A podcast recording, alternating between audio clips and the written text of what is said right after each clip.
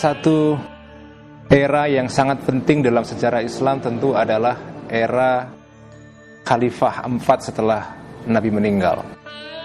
Inilah era ketika Islam bukan semata-mata sebagai agama tapi sebagai praktek politik mengalami konsolidasi, mengalami pengembangan di bawah Khalifah keempat inilah kekuasaan Islam meluas ke berbagai kawasan di dunia Islam.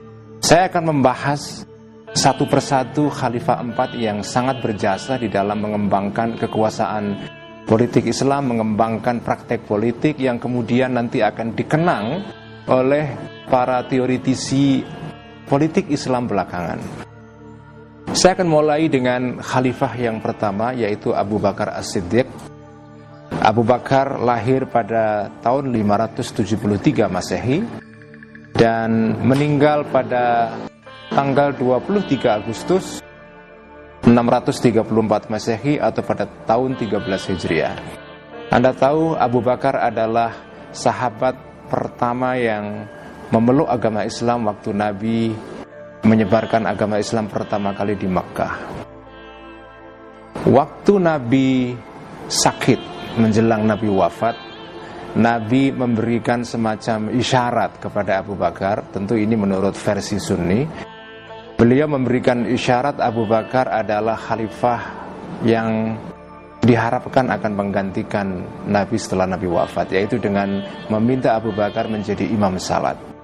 Tindakan Nabi meminta Abu Bakar menjadi imam salat ini, kemudian dipandang oleh para ulama sunni sebagai pertanda bahwa itulah isyarat Nabi Nabi menghendaki Abu Bakar menjadi khalifah. Pertama dalam Islam menggantikan Nabi sebagai penguasa politik. Anda tahu dalam sejarah politik atau pemikiran politik Islam ada dua mazhab ya. Pertama adalah mazhab yang diikuti oleh kaum sunni yang mengatakan bahwa Nabi tidak meninggalkan wasiat apa pun tentang siapa yang menggantikan beliau Kemudian ada mazhab kedua yaitu mazhab kaum Syiah yang mengatakan bahwa Nabi memberikan wasiat, memberikan nas, memberikan pernyataan eksplisit bahwa ada khalifah yang diwasiatkan oleh Nabi menggantikan beliau yaitu Ali bin Abi Thalib. Nah Abu Bakar kemudian melalui proses yang tidak akan saya ceritakan dengan rinci kemudian menjadi khalifah melalui bayat, melalui sumpah kesetiaan yang diberikan oleh umat Islam di Madinah ketika itu Abu Bakar dibaiat oleh Umar pertama kali di rumah Saqifah ibn Sa'idah di mana ketika itu terjadi perdebatan soal siapa yang akan menjadi pengganti Nabi. Nah, Abu Bakar punya beberapa kebijakan yang menarik. Yang pertama tentu adalah kebijakan beliau melakukan perang riddah atau perang memerangi orang-orang murtad. Setelah Nabi wafat, banyak sekali ribuan orang Arab itu murtad, keluar dari Islam. Mereka menganggap bahwa ketika Nabi wafat, maka kesetiaan itu hilang. Jadi tidak perlu lagi mereka memeluk agama Islam. Nah, kemudian Abu Bakar memerangi mereka semua. Nah, tindakan Abu Bakar memerangi orang murtad ini dipakai oleh sebagian orang sekarang sebagai hujah atau dalil untuk mendukung kebijakan untuk memerangi orang-orang yang dianggap murtad di kalangan orang Islam sendiri. Nah saya kira ini tafsiran yang tidak tepat sebab Abu Bakar itu memerangi orang murtad bukan karena keyakinan mereka. Sebagian sarjana muslim modern mengatakan bahwa orang-orang murtad pada saat itu diperangi oleh Abu Bakar bukan karena mereka punya keyakinan yang berbeda.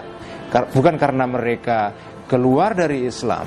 Karena dalam Islam kita tahu ada suatu prinsip yang sangat penting yaitu la ikroha fiddin tidak ada pemaksaan dalam agama. Jadi mereka diperangi karena mereka melakukan pembanggangan politik. Kalau pakai bahasa modern, mereka melakukan kegiatan separatisme. Sekarang pun kalau ada satu kelompok atau golongan membangkang pemerintah pusat, mereka diperangi. Jadi orang-orang yang keluar dari Islam murtad ketika itu tidak mau membayar zakat, tidak atau bahkan keluar dari Islam diperangi oleh Abu Bakar Selama 27 bulan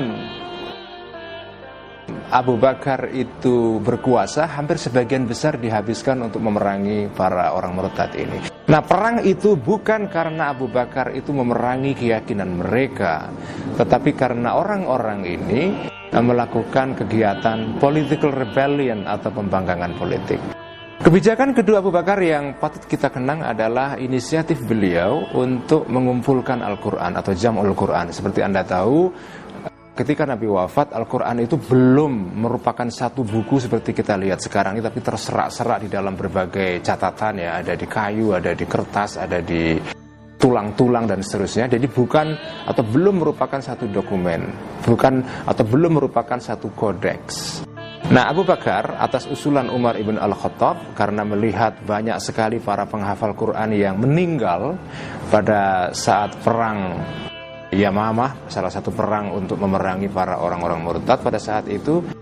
Ketika Umar melihat bahwa ada banyak para penghafal Quran atau khufazul Quran yang meninggal, maka beliau khawatir seandainya Al-Quran ini penghafalnya pada meninggal kemudian belum disatukan dalam satu dokumen maka Quran akan hilang. Nah Umar datang kepada Abu Bakar mengusulkan supaya Quran disatukan dalam satu dokumen. Abu Bakar kemudian mengikuti saran Umar meskipun pertama-tama agak ragu dan para sahabat yang lain juga menentang itu karena Nabi ketika wafat tidak pernah memfasiatkan atau melakukan pengumpulan Quran dalam satu buku. Jadi mereka khawatir ini tindakan yang bid'ah. Nah, berkat Abu Bakar inilah inisiatif pertama mengumpulkan Quran terjadi, diserahkan tugas itu kepada seorang sahabat yang menjadi salah satu penulis wahyu yang paling utama yaitu Zaid ibn Thabit. Nah, Zaid ibn Thabit kemudian memulai proyek pengumpulan Al-Quran. Yang proyek ini kemudian berlangsung terus sampai kepada uh, era Sayyidina Umar kemudian berakhir puncaknya pada saat Sayyidina Utsman Khalifah ketiga.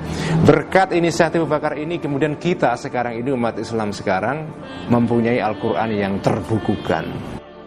Nah terakhir Abu Bakar adalah satu-satunya khalifah di antara khalifah empat setelah Nabi yang meninggal secara alamiah. Yang lain Sayyidina Umar, Utsman dan Sayyidina Ali karamallahu wajah itu meninggal dalam pembunuhan politik atau political assassination.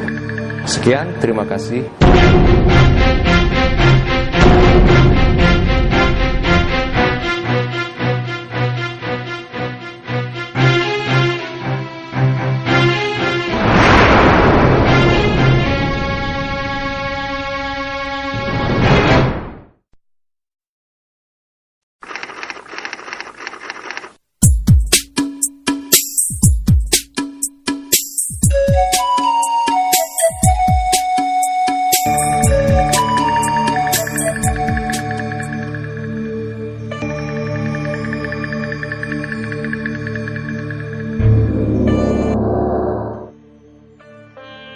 Akan membahas khalifah kedua dalam Islam sepeninggal Nabi yaitu Umar ibn al-Khattab yang lahir pada tahun 579 Masehi dan meninggal pada tanggal 6 November tahun 644.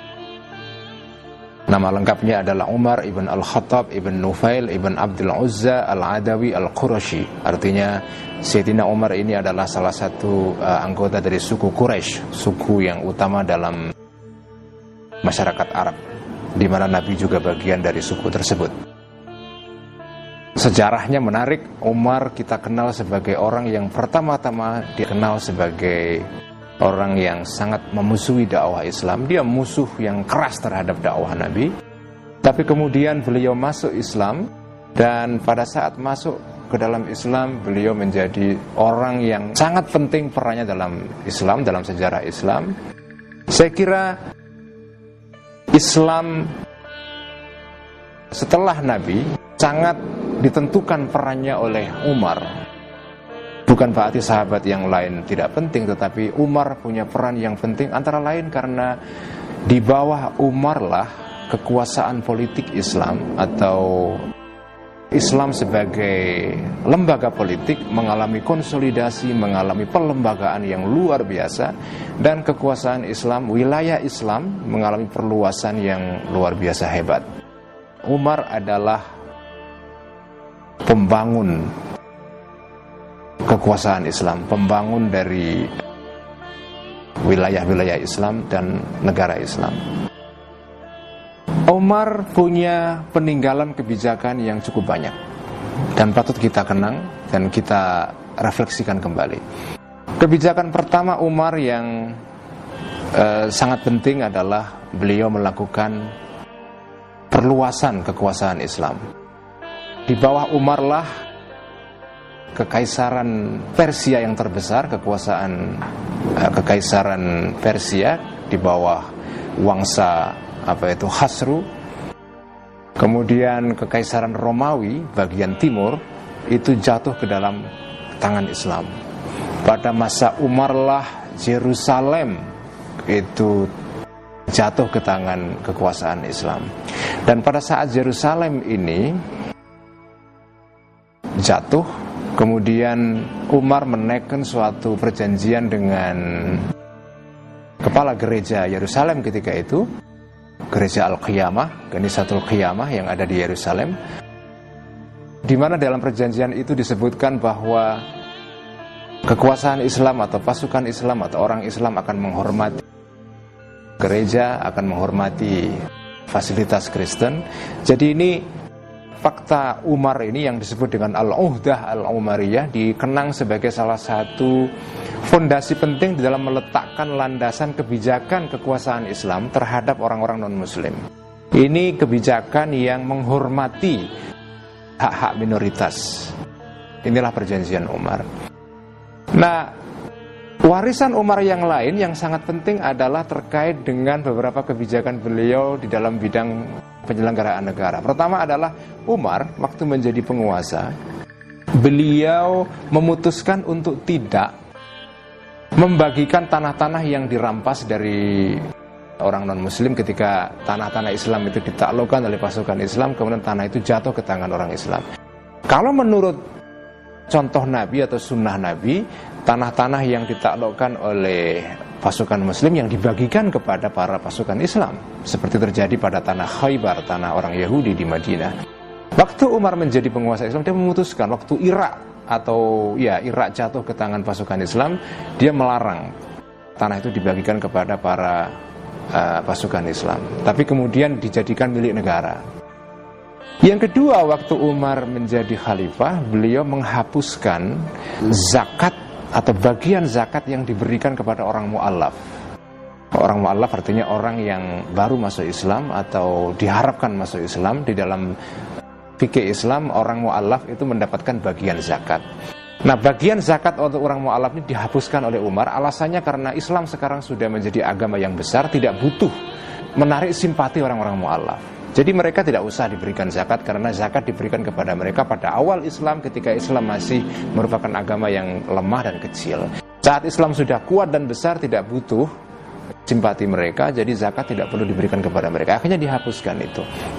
Apa poin yang penting dari dua kebijakan Umar ini? Implikasi pentingnya adalah bahwa Umar melakukan interpretasi ulang terhadap sunnah Nabi. Karena konteks berbeda, Umar mengambil kebijakan yang berbeda, walaupun kebijakan itu tidak sama dengan kebijakan Nabi. Oleh karena itu oleh sebagian para sarjana Islam modern dianggap bahwa Umar adalah sahabat yang berpikir kontekstual berpikir progresif. Ketika zaman berubah, penafsiran terhadap agama juga seharusnya berubah. Nah itu eh, menarik karena Umar dengan kecerdasannya berani melakukan reinterpretasi terhadap ajaran Islam karena konteks yang berubah. Saya kira itu hal yang menarik yang patut kita kita catat dari Sayyidina Umar ibn al-Khattab.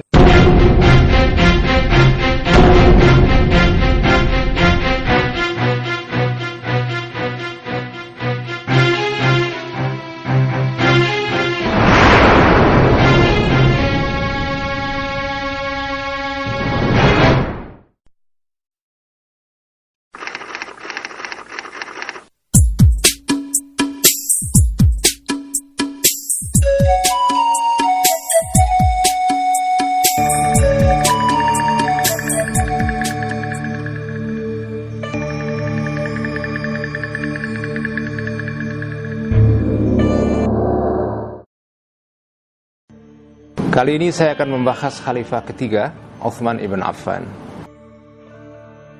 Uthman ibn Affan dikenal sebagai sahabat yang kaya. Dia berasal dari keluarga atau klan Bani Abdi Syams.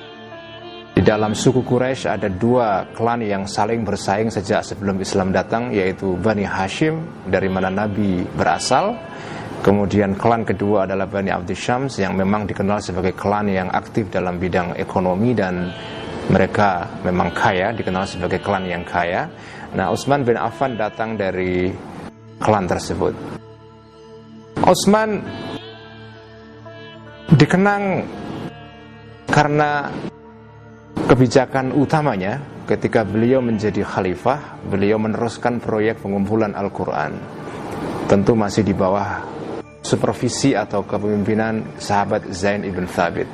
Kita tahu pengumpulan Al-Quran dimulai sejak zaman Abu Bakar, diteruskan pada zaman Umar, dan puncaknya adalah pada saat Utsman ibn Affan. Proyek itu selesai, kemudian diterbitkanlah kodeks atau mushaf Al-Quran yang resmi yang disebut dengan mushaf Uthmani dan dikirimkan ke berbagai eh, belahan dunia Islam.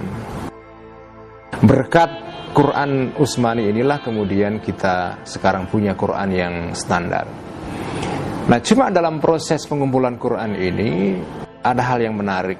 Waktu Utsman mengumpulkan Al-Quran ini kemudian menerbitkan Quran resmi versi Utsmani, seluruh versi-versi mushaf di luar Utsman itu disingkirkan atau disuruh dibakar. Di tangan para sahabat ada beberapa mushaf di luar mushaf Utsman ya. Konon ada mushaf e, Ibn Mas'ud, salah satu sahabat yang terkenal juga. Ada juga mushaf yang di tangan Ali. Nah, mushaf-mushaf di luar Utsman ini kemudian e, di, disuruh dibakar. Nah, tentu ada positif negatifnya positifnya kita sekarang punya Quran yang satu standar tapi segi yang lain adalah kita mungkin kehilangan uh, jejak sejarah tentang versi-versi Quran yang lain ini sebagai data sejarah ya. Meskipun versi mushaf di luar Utsman ini masih direkam sebagian di dalam beberapa karya para ulama misalnya di dalam kitab-kitab mengenai sejarah mushaf awal, misalnya kitabul Masohif Ibn Abi Daud, kemudian Abi Ubaid. Kalau kita baca kitab studi Al-Quran yang dikarang oleh Asyuti Al-Itqan misalnya, kita masih bisa membaca versi-versi Quran di luar Utsmani yang mungkin ada perbedaan dalam apa itu segi bacaannya dan seterusnya. Itu semua hilang. Kita sekarang hanya punya versi yang satu yaitu versi Utsmani. Hal lain yang sangat menarik dicatat dari era Utsman ini adalah pada saat Utsman inilah benih-benih perpecahan di dalam umat Islam mulai muncul. Konon Utsman ini dikenal karena kebijakan-kebijakan beliau yang kontroversial antara lain menganak emaskan keluarga Bani Abdi Syams. Katakan saja sebagian kebijakan beliau dianggap cenderung nepotistik karena itu banyak ketidakpuasan, terutama dari kawasan Mesir. Di ujung pemerintahan Sayyidina Utsman ada ribuan orang yang datang ke Madinah melakukan protes. Rumah beliau dikepung berhari-hari sampai akhirnya beliau meninggal.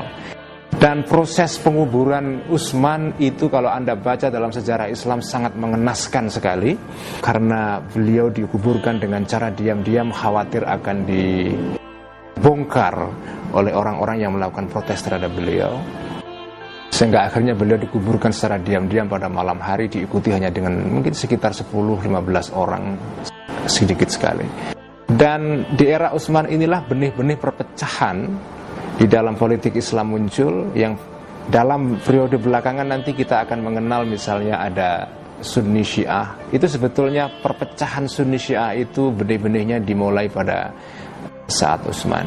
Tentu sejarah Islam menjadi lain setelah Utsman ini. Kita akan punya rekaman yang berbeda seandainya Utsman mungkin menerapkan kebijakan yang berbeda.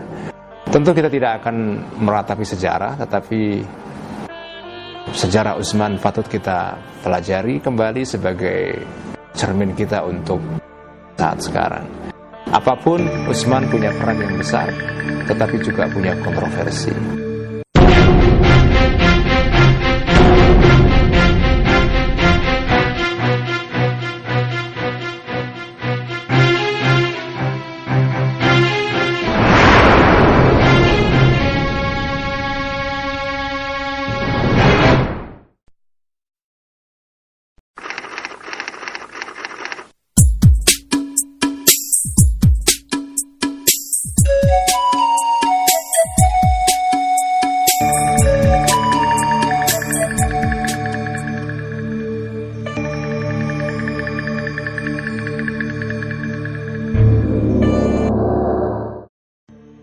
Ali bin Abi Thalib adalah khalifah keempat dalam Islam.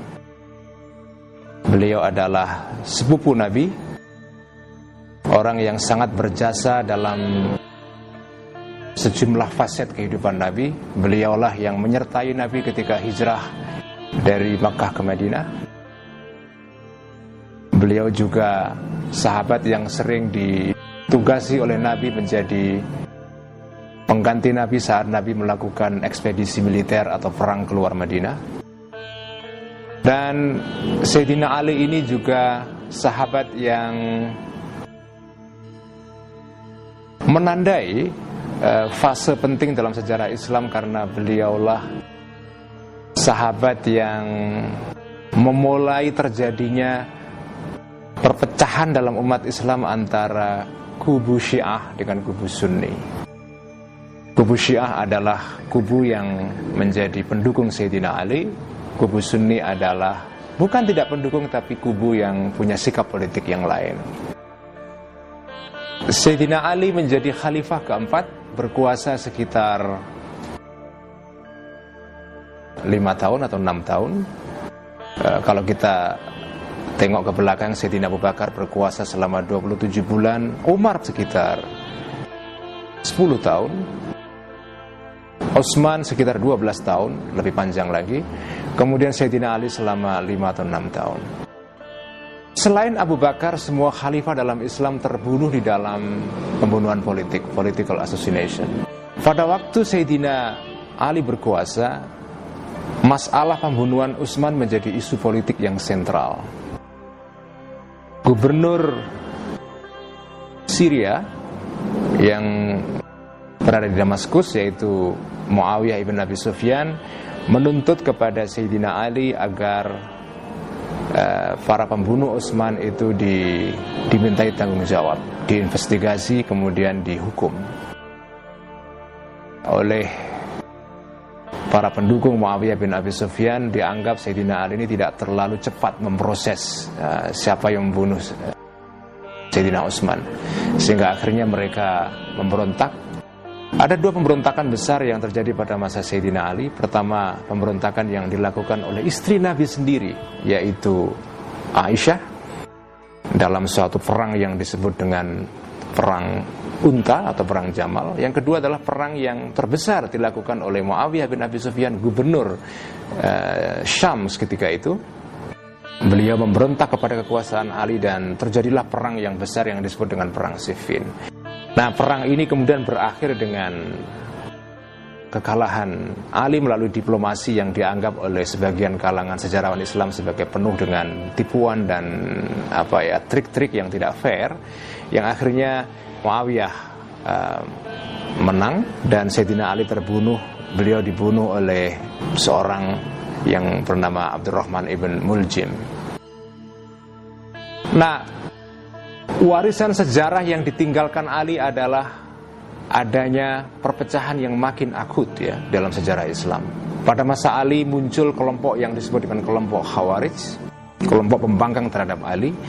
Tapi juga kelompok yang belakangan disebut dengan Syiah, yaitu kelompok yang menjadi pendukung Ali atau Syiatu Ali. Kenapa orang Syiah disebut sebagai orang Syiah? Karena mereka disebut sebagai Syiatu Ali atau pendukung Ali.